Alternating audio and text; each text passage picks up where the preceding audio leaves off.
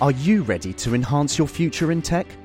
Then it's time to make your move to the UK, the nation that has more tech unicorns than France, Germany, and Sweden combined. The nation that was third in the world to have a $1 trillion tech sector valuation. The nation where great talent comes together. Visit gov.uk forward slash great talent to see how you can work, live, and move to the UK. If you thought the only way to get a more defined jawline with natural looking results was through surgery, think again. Juvederm Volux XC is a non surgical injectable gel filler that improves moderate to severe loss of jawline definition and can help you achieve natural looking results with little downtime. Even better, this improved definition lasts up to one year with optimal treatment. No maintenance required. Improve jawline definition for a smooth, sculpted look with Juvederm Volux XC. For important safety information and to find a licensed specialist, visit juvederm.com. That's J U V E D E R M.com. Not for people with severe allergic reactions, allergies to lidocaine, or the proteins used in Juvederm. Common side effects include injection site redness, swelling, pain, tenderness, firmness, lumps, bumps, bruising, discoloration, or itching. There's a risk of unintentional injection into a blood vessel, which can cause vision abnormalities, blindness, stroke, temporary scabs, or scarring. Talk to a licensed specialist to find out if it's right for you. Say hello to a new era of mental health care. Cerebral is here to help you achieve your mental wellness goals with professional therapy and medication management support. 100% online. You'll experience the all new Cerebral Way, an innovative approach to mental wellness designed around you. You'll get a personalized treatment plan from a therapist, prescriber, or both in a safe and judgment free space. Your cerebral therapist or prescriber will outline a customized plan with clear milestones along the way, so you can get to feeling your best. With Cerebral, you're not alone in your mental health journey. We're here to empower you to live a fulfilling life. So take that first step towards a brighter future and sign up today at cerebral.com slash podcast and use code ACAST to get 15% off your first month. Offer only valid on monthly plans. Other exclusions may apply. Offer ends July 31st, 2024. See site for details. Helt siden de første menneskene slo seg ned i Trøndelag, har det blitt observert underlige lys over Hessdalen. Fenomenet har blitt forsøkt bortforklart som syner sett av bygdetullinger og deliriske hallusinasjoner forårsaket av den lokale drikkekulturen. Men det skulle vise seg at fenomenet stakk langt dypere, når Hessdalen-fenomenet fikk verdensomspennende oppmerksomhet i ufo-miljøet på 1980-tallet. Fenomenet er fremdeles der, og det er fremdeles like uforklarlig som den gang. I 2024 kommer en podkastserie i seks deler, produsert av Project Hessdalen, som kanskje en gang for alle skal finne svar på hva som rører seg på himmelen i denne bortgjemte dalen i Trøndelag. Serien har som seg hør og bør fått tittelen A Blaze in the Northern Sky, og den kommer til din favorittpodkastavspiller i 2024.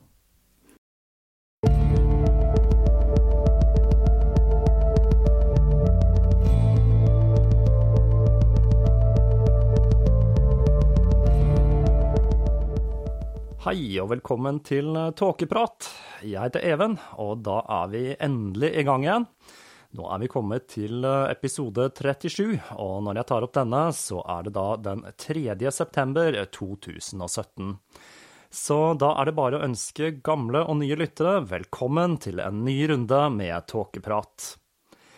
Det var skikkelig skikkelig rart å ta noen uker uten å slippe nye podkast-episoder, men jeg fikk da gått igjennom en del materiale jeg trengte å lese for å kunne stå løpet ut fram mot jul, og jeg kan love et bredt spekter av tema og noe for enhver smak denne høsten. Jeg kommer nok til å måtte legge inn noen slike pauser fra tid til annen, om jeg da ikke finner en lur måte å kunne dedikere enda mer tid til tåkeprat på. Jeg hadde ikke hatt noe imot å bedrive podcasting på heltid, for å si det slik, men enn så lenge så er det kun en ønskedrøm. Siden sist så har jeg også rukket å bli 40 år, og fremfor en stor feiring så valgte jeg å emigrere fra Norge og dra til fastlands-Europas sørligste punkt, Mani i Hellas. Jeg har vært mye i dette landet som en gang ga oss filosofi, og som nå vel må sies å ha blitt eh, eurosonens eh, svarte får. Og det er ikke så mye strandlivet som trekker meg dit, men det er det å kunne dra på oppdagelsesferd i et land som har en så eldgammel historie. Det er kanskje bare meg, men fremdeles så kjennes det ut som om man kan føle opprinnelsen til mye av vårt moderne samfunn i jorda og fjellene her. Og det er vanskelig å ikke tenke på hvor langt vi har kommet i vår forståelse av universet vi lever i, og hva som får uverket til å tikke.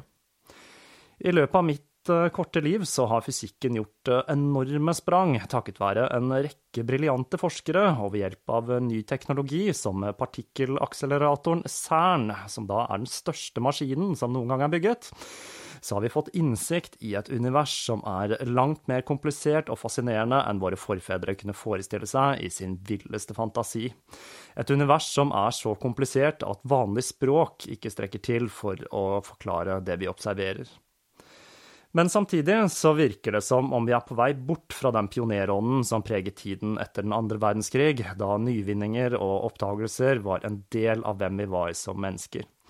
I et samfunn som er drevet av higet etter å tilegne seg mest mulig ting, så har mye av nysgjerrigheten, som tross alt er essensiell for vår overlevelse som art, måttet spille andre fiolin. Men eh, noen lyspunkter har det vært, eh, som da New Horizons ga oss bilder av overflaten til Pluto, etter hva som kun kan kalles et mesterlig samspill mellom teknologi, matematikk og fysikk. Men det er spesielt én ting jeg tenker på som rett og slett irriterer meg, og det er jakten på liv utenfor vår egen planet. Jeg tenker da ikke nødvendigvis på intelligent liv, men muligheten for at organismene på jorda kan ha forfedre blant stjernene. Hvorfor skal vi bruke så mye tid og krefter på dette spørsmålet, da? For det første så kan dette gi oss svaret på et av de virkelig store filosofiske spørsmålene vi står overfor, nemlig hvor kommer vi fra? Om vi hadde funnet en mikroorganisme som var bygget på de samme byggesteinene livet på jorda er laget av, DNA, så vil det sette vår eksistens i en helt ny sammenheng. Og om livet er bygget på andre byggesteiner og på en måte vi aldri har sett før, så vil det være enda mer overraskende.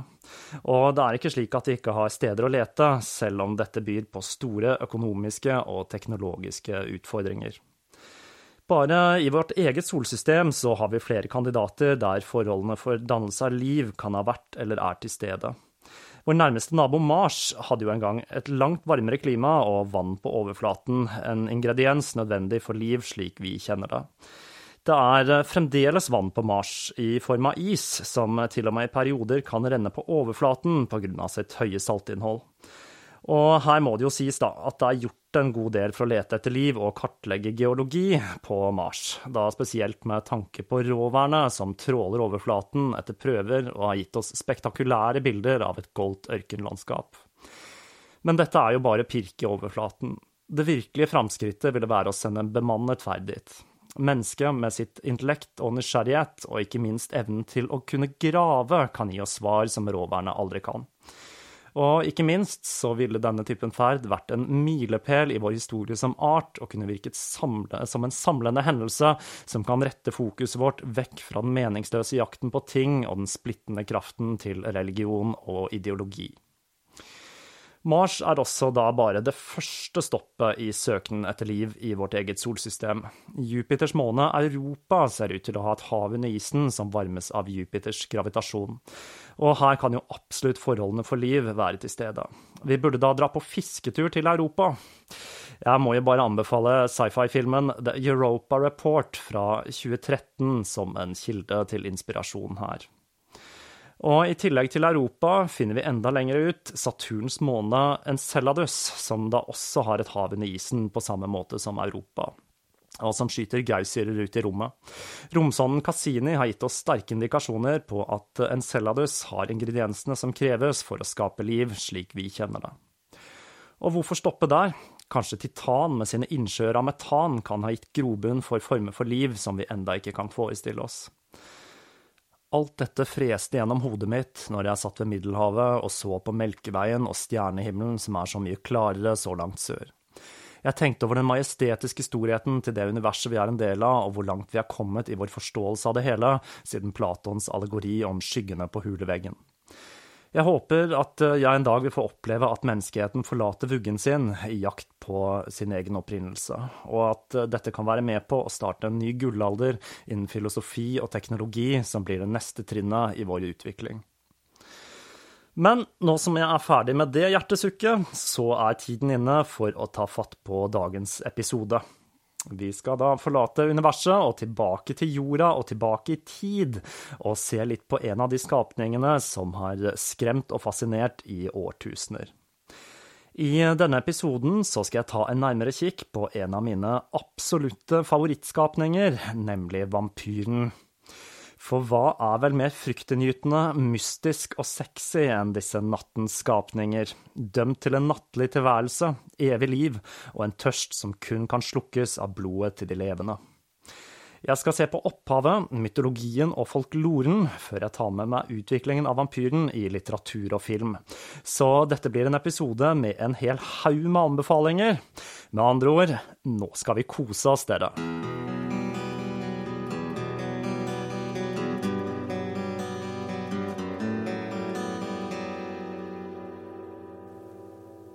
De har vært med oss så langt tilbake som vi kan huske. Legendene om vampyrene, de levende døde som livnærer seg på de levendes blod. Mytene strekker seg antageligvis tilbake til prehistorisk tid og til de første menneskene som levde i små jeger-samlergrupper og hvisket historiene til hverandre rundt bålet når mørket la seg og frykten for hva som skjulte seg i natten, satte fantasien i sving hos disse tidlige menneskene. Det hele startet med en kvinne, Lilith, som har sine røtter tilbake i sumerisk og senere babylonsk mytologi. Hun var en ånd eller demon forbundet med vind og uvær, men når historien om Lilith ble integrert i jødisk mytologi, så ble hun den skrikende uglen, nattens demon. Ifølge jødisk tradisjon var hun Adams første kone, som da foretrakk å være på toppen når de hadde sex. Med andre ord, hun dominerte Adam, og da hun nektet å underkaste seg, så ble hun kastet ut av Edens hage. Hun giftet seg med Ashmadai, demonenes hersker, og ble mor til alle nattens skapninger. Lilith har klare paralleller til mytene om succubus, og sies også å besøke menn nattestid på samme måte. Historien om Lilith har gitt grobunn for en rekke forestillinger om vampyrer og natteånder. Fortellingene om henne inspirerte nok eh, kirkens menn i sin jakt på syndige kvinner som hadde alliert seg med djevelen og nattens barn. En eh, artig misforståelse var når arkeologer feilidentifiserte kvinneskikkelsen i det såkalte Bernie-relieffet som Lilith. Et relieff med en bevinget kvinnefigur som den dag i dag blir brukt som en illustrasjon av Lilith. Men det er bare det, da, at denne figuren er ikke en fremstilling av Lilith, men den mesopotamiske fruktbarhetsgudinnen Ishtar. Men Lilith var ikke den eneste kvinneskikkelsen forbundet med vampyrisme i gammel mytologi. Vår virile greske gud Sefs han hadde da for vane å kle seg ut som menneske for å forføre jordiske kvinner. Og en av disse var Lamia, dronningen av Libya. Hera, kona til Sevs, som da var dritlei av alle de utenomekteskapelige affærene til sin mann. Hun hevnet seg ved å drepe barna som var et resultat av denne unionen, og hun forvandlet Lamia til et monster som i sin sorg over å ha mistet barna sine, vandrer i nattens mørke og dreper barn og drikker blodet deres for å hevne seg for tapet av sitt avkom. Lamia var heller ikke alene blant de kvinnelige vampyrene i gresk mytologi. Vi finner også Empusa, datteren til Hekate, som da i likhet med Diana og Artemis er en månegudinne, men av langt dystrere karakter med slangehår og tre hoder. Hun er gudinnen for hekseri og trolldom, og blir forbundet med korsveier, et fenomen jeg vel har nevnt tidligere her i Tåkeprat. Dette med korsveier er noe som går igjen i europeisk folklore og i svarte bøker. Empusa blir beskrevet som en demonisk skapning med bronseføtter, og hun forvandlet seg til en ung kvinne som forførte menn og drakk blodet deres mens de sov. I India finner vi også en vampyr i tidlig folklore, Vetalaene, det er da ånder som besetter lik, oppholder seg rundt kirkegårder og henger i trær, som digre flaggermus. Det hebraiske ordet aluka, som betyr igle, er synonymt med vampyrer, og også motsdam, blodsuger. Og det er med den middelalderske tolkningen av Lilith i jødisk mytologi den moderne europeiske vampyren trer fram. Det er også et litt pussig sammentreff at om du legger på RD på slutten av Aluka, så får du Alucard, altså Dracula baklengs, akkurat på samme måte som i anime-serien Helsing av Kuta Hirano. En fantastisk god serie med en artig moderne twist på vampyrmytologien.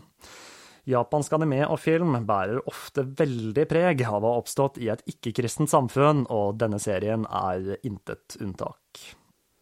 I verket Disserario di Vampyris Serviensibus fra 1733 blir vampyren definert.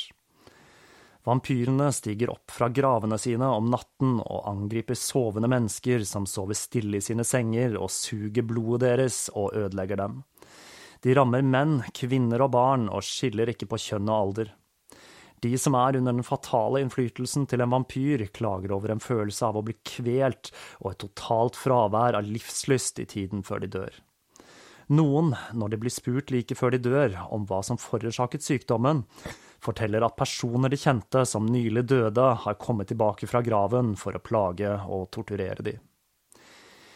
I Chambers etymologiske ordbok fra 1885, som da kom tolv år før Bram Stokers banebrytende roman Dracula, kan vi lese den følgende definisjonen på vampyr.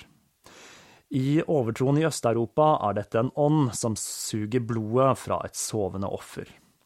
Det mest omfattende verket om vampyrer fra det 18. århundre ble skrevet av benediktinermunken Dom Augustino Calmet traité sur apéritos de Espire et sur le vampire, hvor han så på utbruddene av vampyrisme som sveipet Europa i bølger på 1600- og 1700-tallet. Dette verket er langt fra det overtroiske skribleriet man lett kan forestille seg, og Kalmet han bemerker at de fleste historiene om vampyrer de stammer fra Øst-Europa hvor folk med lite mat er utsatt for visse sykdommer forbundet med klimaet og maten, og disse, sammen med overtro og frykt, er i stand til å fremprovosere farlige forestillinger. Vampyren i folklore har to definisjoner som overlapper hverandre. Den første og eldste er troen på en nattelig ånd, trollmann eller heks. Den andre er troen på den gjenoppståtte døde, som vel er den vi kjenner best fra lerretet. Og det er mange paralleller til hekser her, som troen på flyvning og formskifting. Dette med formskifting knytter troen på varulver og vampyrer sammen. Spesielt i Øst-Europa, og i Ukraina og Russland tror man at en varulv vil bli til en vampyr dersom den ikke blir drept. I Sibir så er varulven og vampyren en og samme skapning, kjent som en volkodlak, en skapning som er spesielt aktiv i de mørkeste vintermånedene. Volkodlakkene har et årlig møte hvor de tar av seg ulveskinnene sine og henger de i trærne. Om en av de stjeler og brenner en av de andres skinn, så blir forbannelsen som hviler over den som får skinnet sitt brent, hevet, og sjelen blir sluppet fri. Det er altså i Øst-Europa troen på vampyrer er sterkest, og det er også her vi finner de klassiske symbolene som senere har funnet veien til bøker og film. I januar 1973 ble den polske immigranten Dmitrios Mykyra funnet død i Stoke-on-Trent i England. Dmitrios var en gammel mann, så det at han døde var ikke i seg selv et mysterium, men det ble gjort et par bemerkelsesverdige funn ved denne gamle mannen. Rommet han døde i var dekket i salt, og en rekke beholdere med en blanding av salt og urin ble funnet. Og dødsårsaken? Mannen hadde satt fast et hvitløksfedd i halsen. Det ble konkludert med at dette ikke dreide seg om et selvmord, men at han hadde blitt kvalt i et forsøk på å drive vekk vampyrer.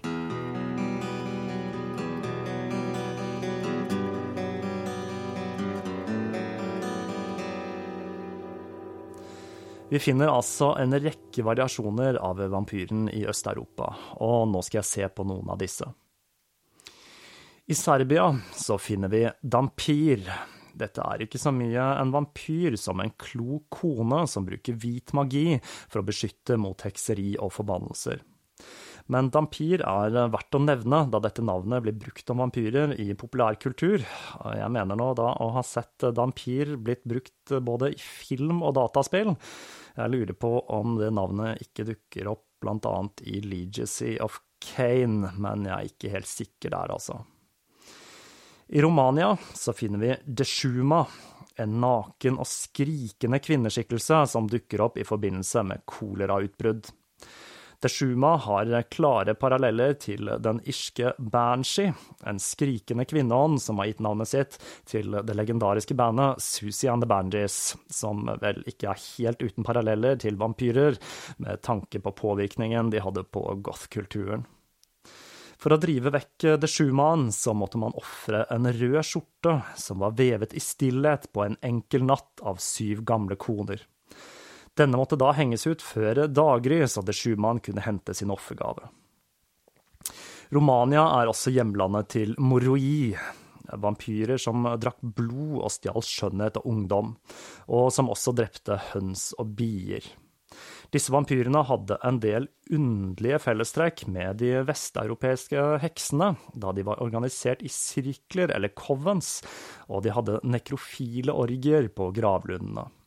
De kunne også skifte form og kontrollere været.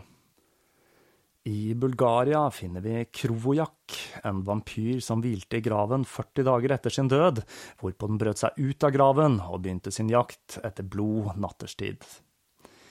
I Bosnia finner vi vampyr. Denne skulle være spesielt aktiv i perioder med utbrudd av tyfus. Denne vampyren sto opp fra graven for å drikke blod og ha sex med sine tidligere partnere. Troen på vampyr var spesielt sterk blant sigøynere i Bosnia. Og her snubler vi igjen over et av disse ordene som er blitt radioaktive, altså sigøyner. Jeg tror jeg gikk glipp av det møtet der det ble bestemt at sigøyner er et skjellsord. For meg så er dette et ord jeg ikke forbandt med noe negativt, på samme måte som for eksempel franskmann, før pressen da begynte å bruke rommann og romkvinne, noe som ærlig talt er fryktelig dårlig norsk, og ikke minst vekker disse begrepene assosiasjoner til 50-talls science fiction-film eller Mars Attacks. Det ville i så fall være mer riktig da å bruke romani eller reisende eller noe i den stilen der, men, men. For enkelhets skyld så bruker jeg sigøyner i denne episoden, og jeg skylder på at jeg akkurat har rundet 40 og ikke helt av fingeren på hva som er politisk korrekt i 2017. Folklore blant eh, sigøynere er svært nært knyttet til vampyrer, ikke minst i film og litteratur, og det er faktisk en av de tingene jeg tenker på når jeg hører sigøyner.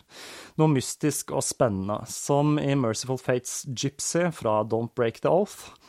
I see them gypsy wagons left in the snow, oh, I must see that lady, I have to know. For uh, ikke da også å snakke om begrep som sigøynermusikk, som da er en samlebetegnelse på en rekke musikkformer som har oppstått utenfor de etablerte normene for skala og tonelære, og som er utrolig spennende. Rommusikk høres da rett og slett bare helt feil ut, syns nå jeg. Ja ja, nok om det, og tilbake til de østeuropeiske vampyrene. I Ungarn så finner vi Kidderek Nadalai, en vampyr man kunne drepe ved å hamre en spiker gjennom tinningen. Lengre sør, i Albania, finner vi en vampyr som ble kalt Liugat, eller Kulkuta, som var gjenoppståtte tyrkere med lange negler, drapert i likkleder, og som kvelte og spiste mennesker.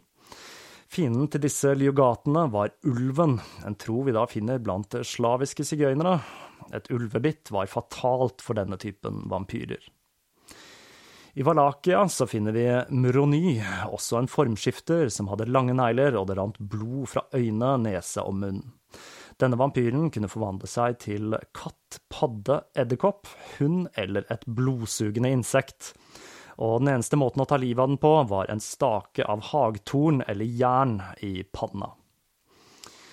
Her finner vi også en skapning, Streghoi, som har en klar parallell til den greske Lamia, da ofrene til disse da var spedbarn.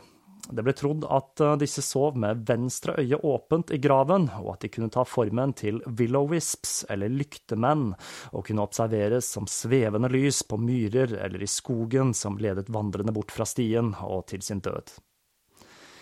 I Transylvania så finner vi den kjente Nosferat. Nosferatu er da flertallsformen av Nosferat. Dette er en skapning som var et dødfødt barn unnfanget av et ugift par, og Nosferaten forlot graven nesten umiddelbart etter begravelsen og vendte aldri tilbake.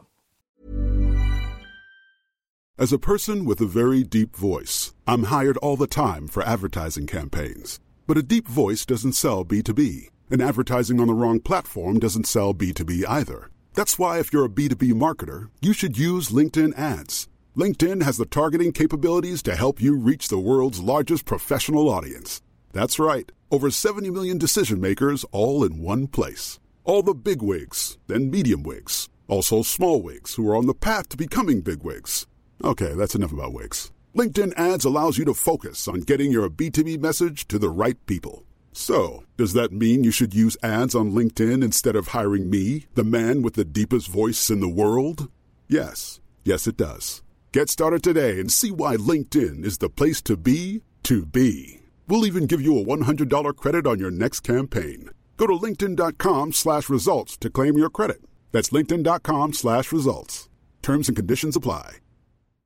If you're looking for plump lips that last, you need to know about Juvederm lip fillers. With Juvederm Volbella XC and Juvederm Ultra XC, your lip look, whether it's subtle or bold, can last up to one full year with optimal treatment and no additional maintenance. Find a licensed specialist and see if it's right for you at juvederm.com today. That's J U V E D E R M.com. Add fullness to lips in adults over 21 with Juvederm Volbella XC or Juvederm Ultra XC. Do not use if you have severe allergies or a history of severe allergic reactions, or if you're allergic to lidocaine or the proteins used in Juvederm. Tell your doctor if you have a history of scarring or taking medicines that decrease the body's immune response or that can prolong bleeding. Common side effects include injection site redness, swelling, pain, tenderness, firmness, lumps, bumps, bruising, discoloration, or itching. As with all fillers, there's a rare risk of unintentional injection into a blood vessel, which can cause vision abnormalities, blindness, stroke, temporary scabs, or scarring. For full important safety information, visit juvederm.com.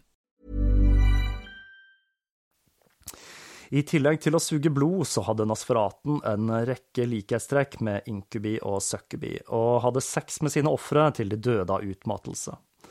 Om en kvinne ble gravid som en følge av sex med en nosferat, så ble dette barnet en heks, og ofte en moroid. I likhet med troen på heksenes kontroll over fruktbarhet, så kunne Nosferaten forårsake både impotens og sterilitet, og den var også en formskifter, og skiftet form til en svart katt, svart hund, en bille, sommerfugl, eller til og med et strå.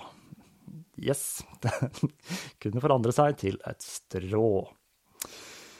Den mest klassiske av de rumenske vampyrene var nok den såkalte varkolaki, som kunne skifte form til hund, ulv og drage. De hvilte i graven med åpne øyne, og hår og negler vokste seg lange. De sto opp fra graven når det var fullmåne for å drikke blodet til de levende, og de foretrakk blodet til unge jenter. Så hvordan forsvarer man seg mot en vampyr? I mange østeuropeiske land så trodde man at hvitløk var en superbeskyttelse mot vampyrer. Dører, vinduskarmer og piper ble smurt inn med hvitløk for å holde disse skapningene unna, og enkelte ganger også senger, da natten var tiden da disse blodsugerne var på jakt etter nye ofre.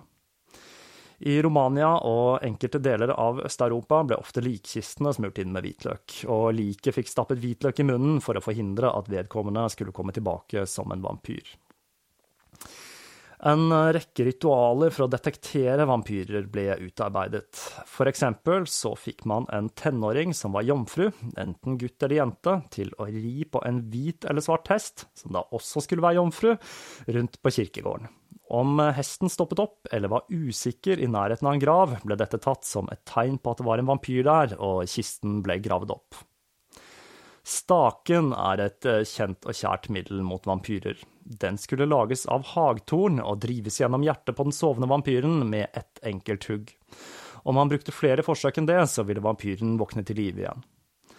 Etter staken så fulgte halshugging, som da skulle utføres med et velsignet sverd eller en sigd.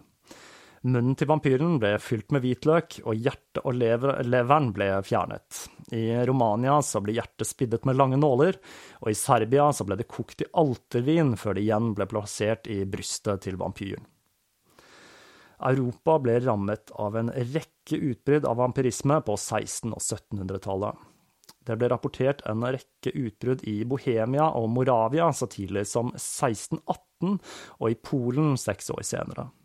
I 1672 så finner vi et utbrudd i Istria som spredde seg til Øst-Prøysen i 1710 og i 1721, før det da beveget seg sørover til Serbia i 1727 og 1732.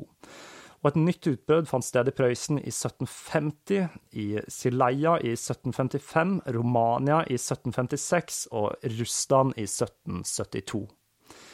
I landsbyen Mednegna like ved Belgrad ble 14 lik undersøkt, og 12 av likene var ikke forråtnet på riktig måte og bar klare tegn på vampyrisme. Hva forårsaket så disse utbruddene av vampyrisme? Her kan vi jo da trekke fram en rekke rasjonelle forklaringer. I sin eh, sopra i vampiri fra 1744 skriver erkebiskop Dasanzati at det hele var oppspinn, og at de som var ofre for vampyrisme, alltid var uutdannede med frisk fantasi. Vi ser også at de ulike vampyrene ofte er forbundet med spesifikke sykdommer, som de Schumann fra Romania, som da var forbundet med kolera, og Nosferatu med svartedauden. Man trodde gjerne at det var vampyrene som forårsaket disse sykdommene, men det er jo lett å tenke seg da at det var sykdommene som fremkalte frykten for vampyrer. En rekke sykdommer kan ha hatt en finger med i spillet i utbruddene av vampyrisme. Her har vi et par åpenbare kandidater. Tuberkulose eller tæring det fører til at den syke blir utarmet og blek, og ikke minst hoster blod. Kolera fører også til en lignende tilstand av utarming og vekttap.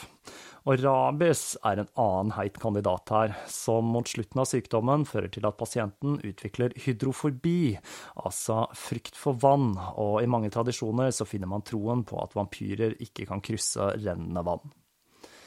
En annen ting som kan ha spilt en rolle i vampyrmytene, er personer som blir levende begravet ved et uhell. Dette var langt vanligere enn man forestiller seg, og hastige begravelser i perioder med utbrudd av epidemier, kombinert med tilstander som katalepsi, skinndødhet, kunne føre til at vedkommende ble levende begravet. Ifølge den britiske okkultisten Montague Summers så regner man med at rundt forrige århundreskifte ble begravet ett levende menneske per uke i USA. Frykten for å bli levende begravet det førte til en rekke rekke friske løsninger, som bjeller på gravene, hvor den begravede kunne trekke en snor og ringe med bjellen om han eller hun skulle våkne til live i graven.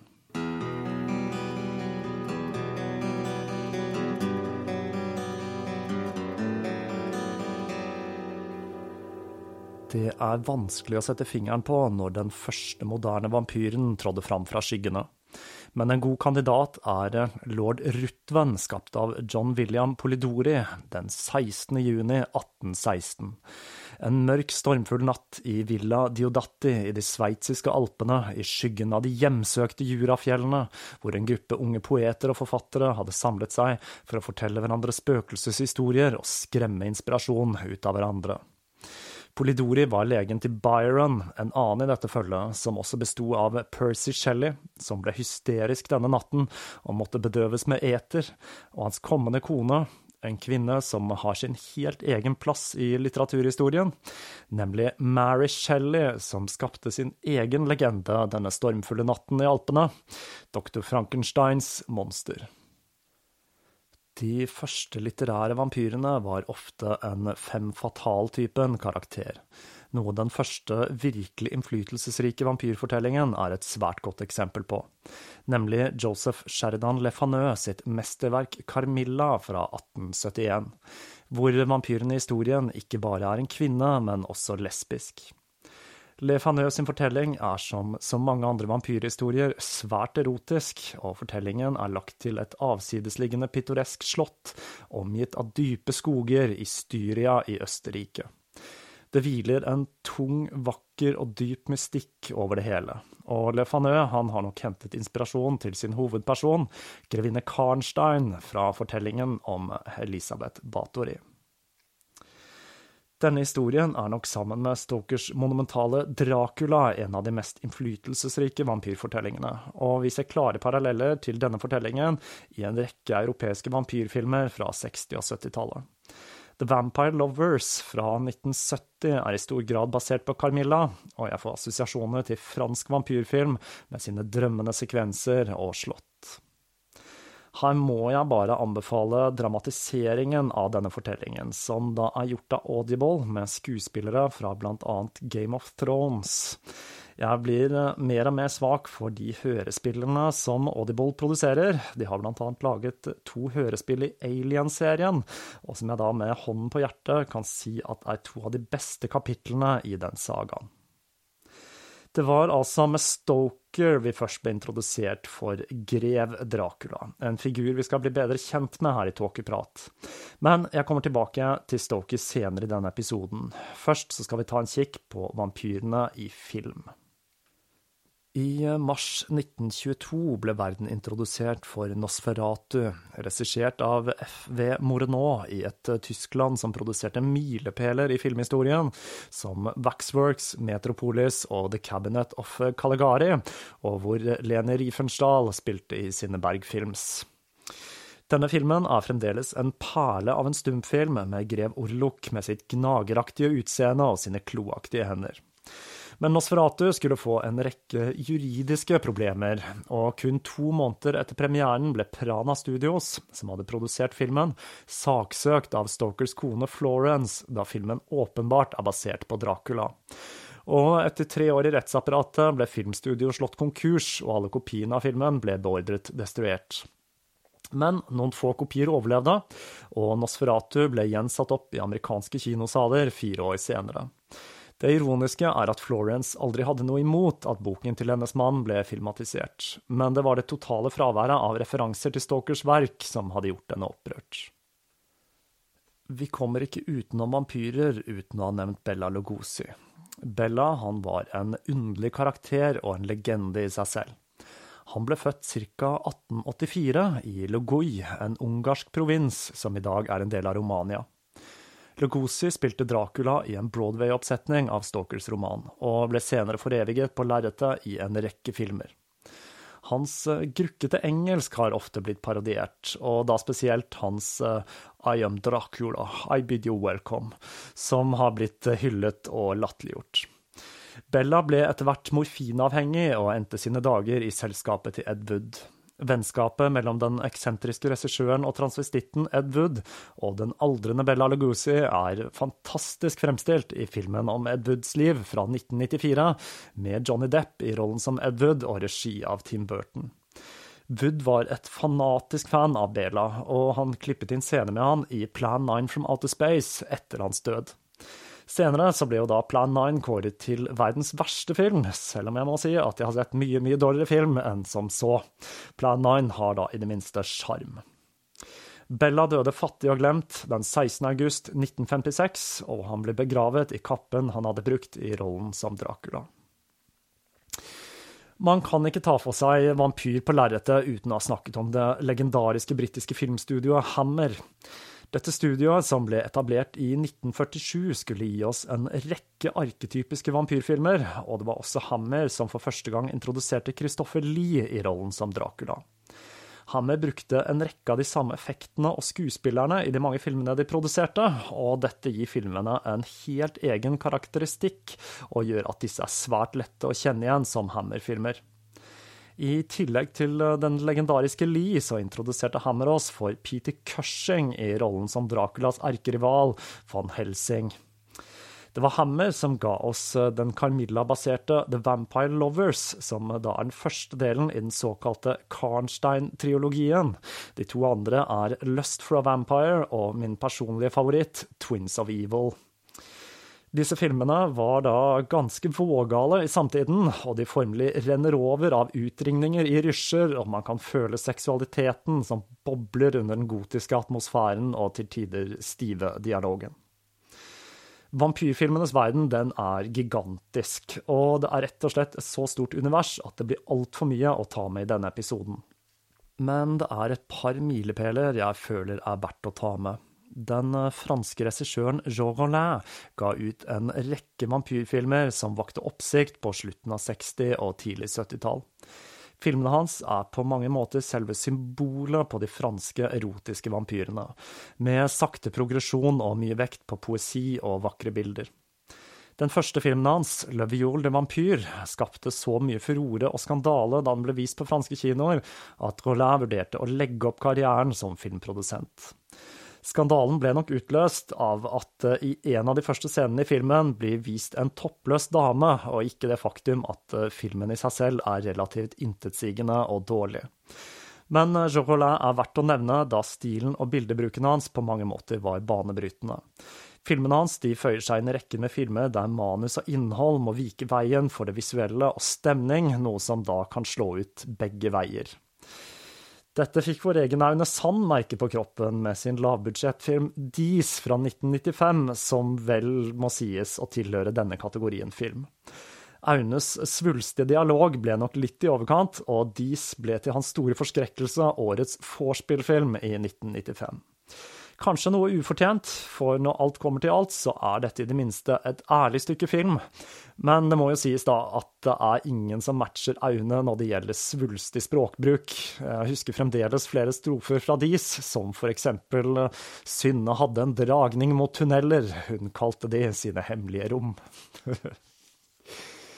Stephen Kings Salem's Lot fra 1979 åpnet døren mot en ny æra i vampyrfilm. Og med 80-tallet så ble vi introdusert for en ny og mer actiondrevet form for vampyrfilm, med filmer som Fright Night og Lost Boys. 80-tallet ga oss også selvsagt den komiske vampyren med sine trøbbelfilmer.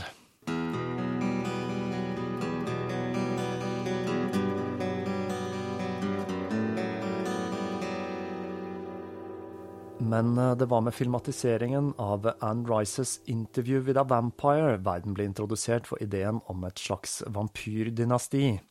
En idé som har blitt flittig utbrodert, og 90-tallet ga oss filmer som Blade, og ikke minst eh, Sarah Michelle Gellar som Buffy the Vampire Slayer. Det neste tiåret utviklet ideen om vampyrdynastiet seg, med filmer som Underworld, og gjorde et forsøk på å kapre unge pikehjerter med sine romantiserte vampyrer i Twilight. I den andre enden av skalaen, langt, langt fra de glitrende vampyrene i Twilight, så finner vi Brian Lumleys Vampyri i bokserien Necroscope, skrevet av Lumley, som eh, da annet er kjent for sin utbrodering av Lovecrafts Kutule-mytos. Her blir vi introdusert for den kanskje mest over the top-vampyren som noen gang er skapt. Necroscope-serien er ikke akkurat et eh, litterært mesterverk, men jeg syns den absolutt er verdt å nevne i en episode om vampyrer. Jeg tror aldri jeg har lest en serie som tar så til de grader av. Det hele starter som en litt eh, småcheesy fortelling om gutten Harry Keogh, som eh, da kan snakke med de døde. Men raskt så utvikler det hele seg til noe som minner om en våt fantasi drømt opp av John Carpenter, med interdimensjonale tentakelvampyrer Lumley elegant vever inn i den tradisjonelle vampyrmyten. Jeg tror det skal vanskelig la seg gjøre å toppe Lumleys univers, og jeg holder en knapp på at denne serien neppe vil finne veien til lerretet. En annen siste film som jeg føler jeg bare må nevne, er den svenske Låt den rette komme inn fra 2008, som er en fantastisk god og original vampyrfilm. Og for første gang så kan jeg si at den amerikanske remaken står skulder ved skulder med originalen, og kanskje til og med er hakket bedre. Men la oss gå litt tilbake i tid. I 1992 eh, så kom Francis Ford Coppolas film 'Dracula', basert på Bram Stokers roman. Og selv om han har tatt seg en rekke friheter i forhold til boka, så er nok dette den absolutt beste filmatiseringen av boka som satte i gang den moderne vampyrsjangeren. Soundtracket er til å dø for, og han har til og med ei låt med Diamanda Galas. Dialogen er aldeles glimrende, og Coppola har klart å bevare erotikken fra Stokers originale fortelling på en måte som gjenskaper den originale stemningen til boka. Abraham Stoker ble født i Dublin i 1847. Han ble født under den irske potethungersnøden, en hungersnød som førte til ca. en million døde i Irland, og som savner sidestykke i vestlig historie. Denne hungersnøden førte til en massiv utvandring fra Irland. De første seks årene av livet tilbrakte Stoker mye av tiden sengeliggende, og han hadde problemer med å gå. Men dette førte til at han utviklet en interesse for å lese, og han var svært glad i irsk folklore, hvor det er lett å forestille seg at han kom over de kvinnelige irske vampyrene. Lenan Sida, det er en vampyr fra alveriket. Ved Trinity College i Dublin så studerte han matematikk, ble presidenten i Det filosofiske selskapet, og han gjorde det sky til idrett, til tross for sin tidligere dårlige form. Han ble også kjent med den ikke helt ukjente Oscar Wilde, og ble en venn av familien. Han ble også kjent med skuespilleren Henry Irving, som var kjent for sine tolkninger av Shakespeare. I 1878 så giftet han seg med Florence, som tidligere hadde vært kjæresten til Oscar Wilde, og som skulle ha vært litt av en skjønnhet. Dracula var resultatet av sju års arbeid, og på mange måter en samling av flere historier om det overnaturlige Stoker hadde skrevet. Boka inneholder en rekke referanser til Stokers privatliv, og er sterkt preget av å ha blitt skrevet i en tid hvor interessen for det overnaturlige var på høyden. Og ikke minst så er den preget av hva som ble sett på som det syndige årtida, hvor blant annet Oscar Wilde ble tiltalt for homoseksualitet, og erotisk forbudt litteratur så dagens lys. Stalkers roman har blitt kritisert for å beskrive sex uten sex, og føyer seg på den måten inn i denne typen obskjøn litteratur. Den originale tittelen på boka var The Dead Undead, men den ble publisert under navnet Dracula i 1897 i 3000 eksemplarer med en pris på seks skilling. Dracula skulle bli en suksess Stoker aldri kunne toppe, og den 20. april 1912 så døde Bram Stoker, mest sannsynlig av syfilis, et endelikt han i så fall delte med en rekke andre prominente forfattere i samtiden. Hva var det så som gjorde Stokers Dracula så unik? Det som skiller Stokers vampyr fra tidligere historier, er at det dreier seg om en mann, og ikke en fem fatal. Og denne vampyren er i likhet med Le Fanø sin Carmilla basert på en ekte person. Stoker hadde blitt kjent med Herman Bamburger, som brukte en rekke aliaser, annet Arminis Vamberi. Han var en svært bereist herremann med et godt språkøre.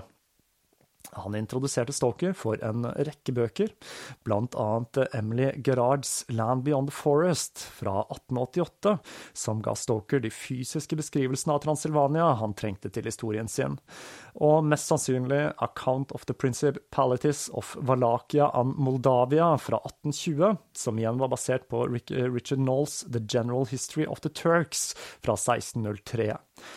Og det var nok her Stoker for første gang kom over et navn som lyste mot han fra siden av han bladde i. Vlad Dracula. Stoker hadde snublet over en av de mest myteomspunne personene i europeisk middelalder. Vlad Tepes, spidderen, sønn av dragen, og det er denne personen jeg skal ta for meg i de kommende episodene her i Tåkeprat. Jeg skal forsøke å skille fakta fra myta og børste støvet av denne valakiske prinsen som satte fantasien til Bram Stoker i brann, og inspirerte han når han skapte en av litteraturhistoriens mest minneverdige figurer.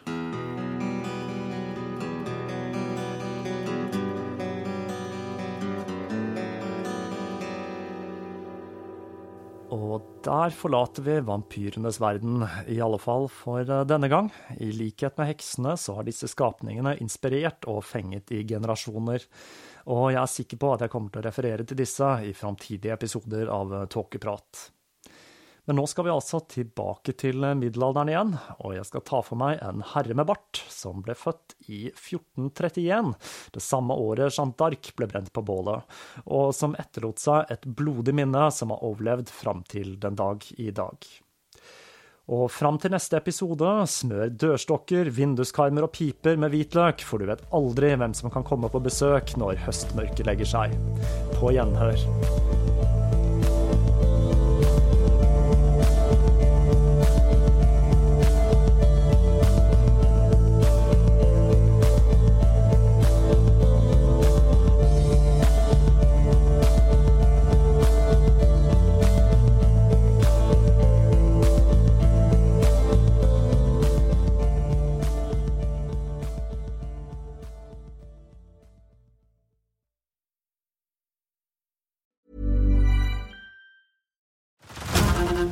Hulu this March, where our new shows and movies will keep you streaming all month long. Catch the acclaimed movie All of Us Strangers, starring Paul Mescal and Andrew Scott.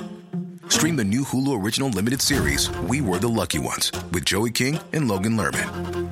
And don't forget about Grey's Anatomy. Every Grey's episode ever is now streaming on Hulu. So, what are you waiting for?